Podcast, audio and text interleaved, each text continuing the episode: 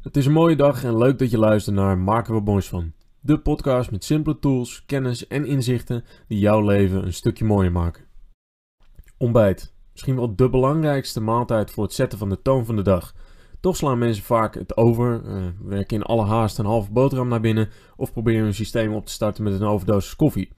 Het hebben van een goed ontbijt heeft niet alleen effect op jouw ochtend. Het heeft een effect op jouw mentale en fysieke presteren over de gehele dag. Maar waar bestaat een goed ontbijt dan uit? En wat gebeurt er in jouw lichaam als je een goed ontbijt tot je neemt? Daar gaan we het in deze podcast over hebben. Kleine side note, ik ben geen voedingsdeskundige of diëtist. De informatie die ik hier geef zijn dingen die ik heb geleerd in de PT-opleiding die ik heb gedaan en het lezen van tal van boeken over dit onderwerp. Jaren geleden deed Charles Poliquin een uitspraak over ontbijt. Charles Poliquin was een zeer gerespecteerde krachtcoach die wereldwijd bekend stond om de resultaten die hij met tientallen Olympische atleten behaalde. Hij stond er ook wel bekend als de Strength Sensei. En hij deed een uitspraak die zou ik nooit vergeten. Het eerste dat je in je mond stopt in de ochtend, ervan uitgaande dat het eten is, is een setup voor de dag. Laten we bij het begin beginnen. Realistisch gezien, de wekker gaat, acht keer snoezen, je checkt even je telefoon en je gaat naar bed. Het allereerste dat je eigenlijk zou moeten doen als je wakker wordt, is water drinken. Terwijl je slaapt, verlies je gemiddeld een halve liter vocht en dat moet weer aangevuld worden. Want al jouw cellen, verteringssysteem en andere processen gebruiken water. Dus ervan uitgaande dat een gewoon drinkglas een inhoud van 250 milliliter bevat, zou dat dus betekenen dat je twee glazen water moet drinken uh, als je wakker wordt. Nou, dat valt te overzien, denk ik. Ontbijt kan naast zijn functionele doel ook als middel worden gebruikt om, om uit bed te komen. Ik bedoel, als je iemand bent die moeite heeft met uit bed komen, kan een ontbijt waar je echt naar uitkijkt ontzettend helpen. Je hebt dus twee glazen water gedronken en dan verder. Een sterk ontbijt bevat veel eiwitten en gezonde vetten. Ten eerste, eiwitten staan erom bekend dat je je langer verzadigd voelt en spelen vetten onder andere een belangrijke rol in de hormoonhuishouding. Zo zorgt een ontbijt voor een juiste setup van de neurotransmitters, meer energie en een betere concentratie.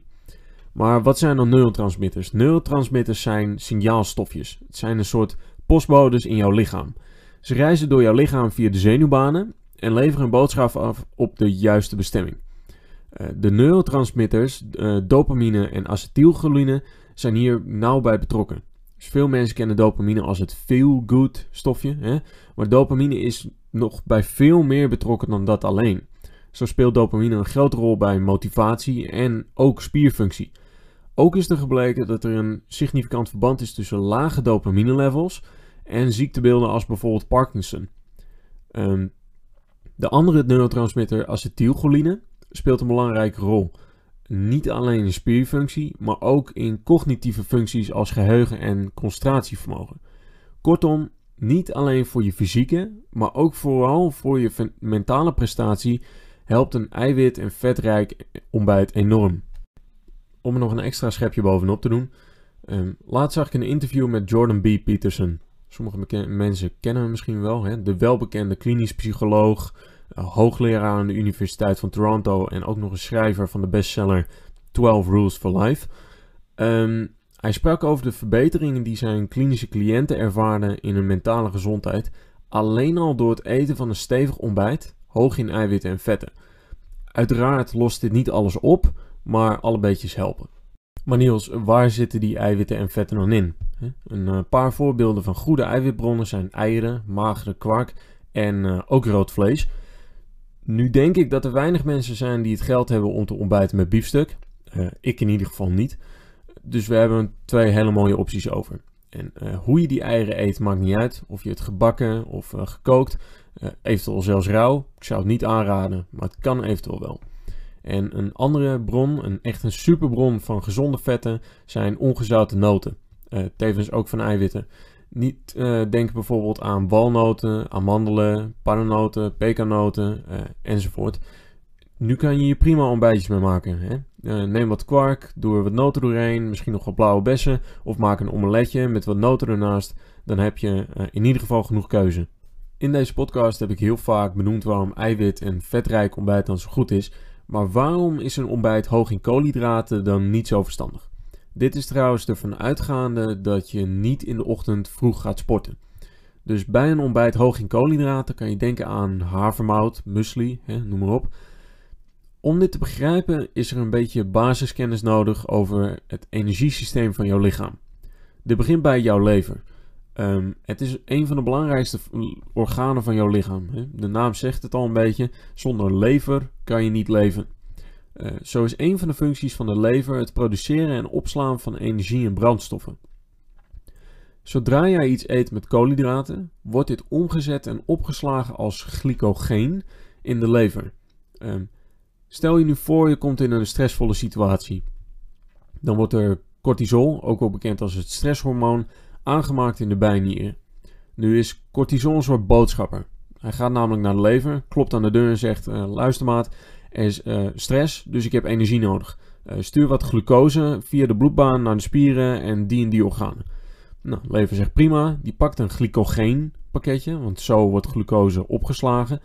Um, nou, pakt dat glycogeenpakketje uit en gooit de glucosedeeltjes in de bloedbaan. Nou, die glucosedeeltjes die weten precies waar ze naartoe moeten, dus daar is geen werk meer aan. En nu komt er een tweede boodschapper in beeld, namelijk insuline.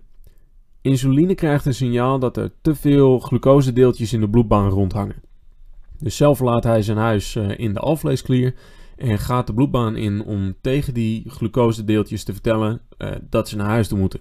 Um, een deel daarvan gaat terug naar de lever, een uh, ander deel naar de spieren of andere omliggende organen. Um, je kan je voorstellen, des te meer glucosedeeltjes er in jouw bloedbaan rondhangen, des te meer insuline er nodig is om ze allemaal naar huis toe te sturen.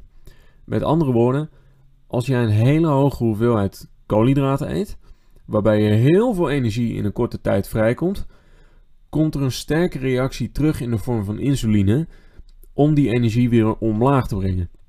Dus, als je, dus je gaat van heel veel energie naar heel weinig energie. Hè? Het inkakmoment.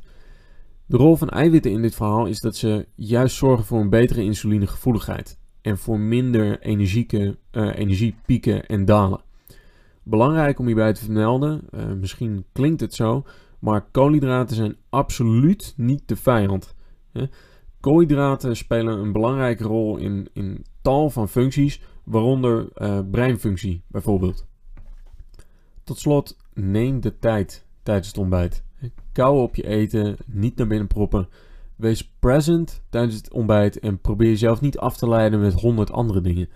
Uh, hoeveel je koud op je eten en hoeveel je erop concentreert, heeft een degelijk effect op het verteringsproces en daarmee ook de opname van voedingsstoffen in het eten.